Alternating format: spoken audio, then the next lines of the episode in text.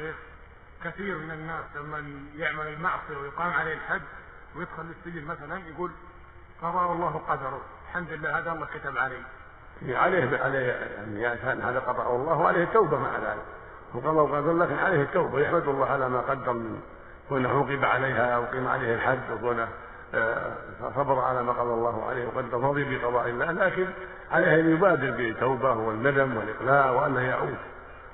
قدر الله لا لا يجعله يصر على المعصيه ولا يعود إليها ولكن قدر الله يعزي نفسه ويحمد الله على ما قضى وقدر وأنه قيم عليه الحد وأنه تاب إلى الله وأنه رجع إلى الله سبحانه وتعالى ولا يجعل القدر حجة على فعل المعاصي. نعم.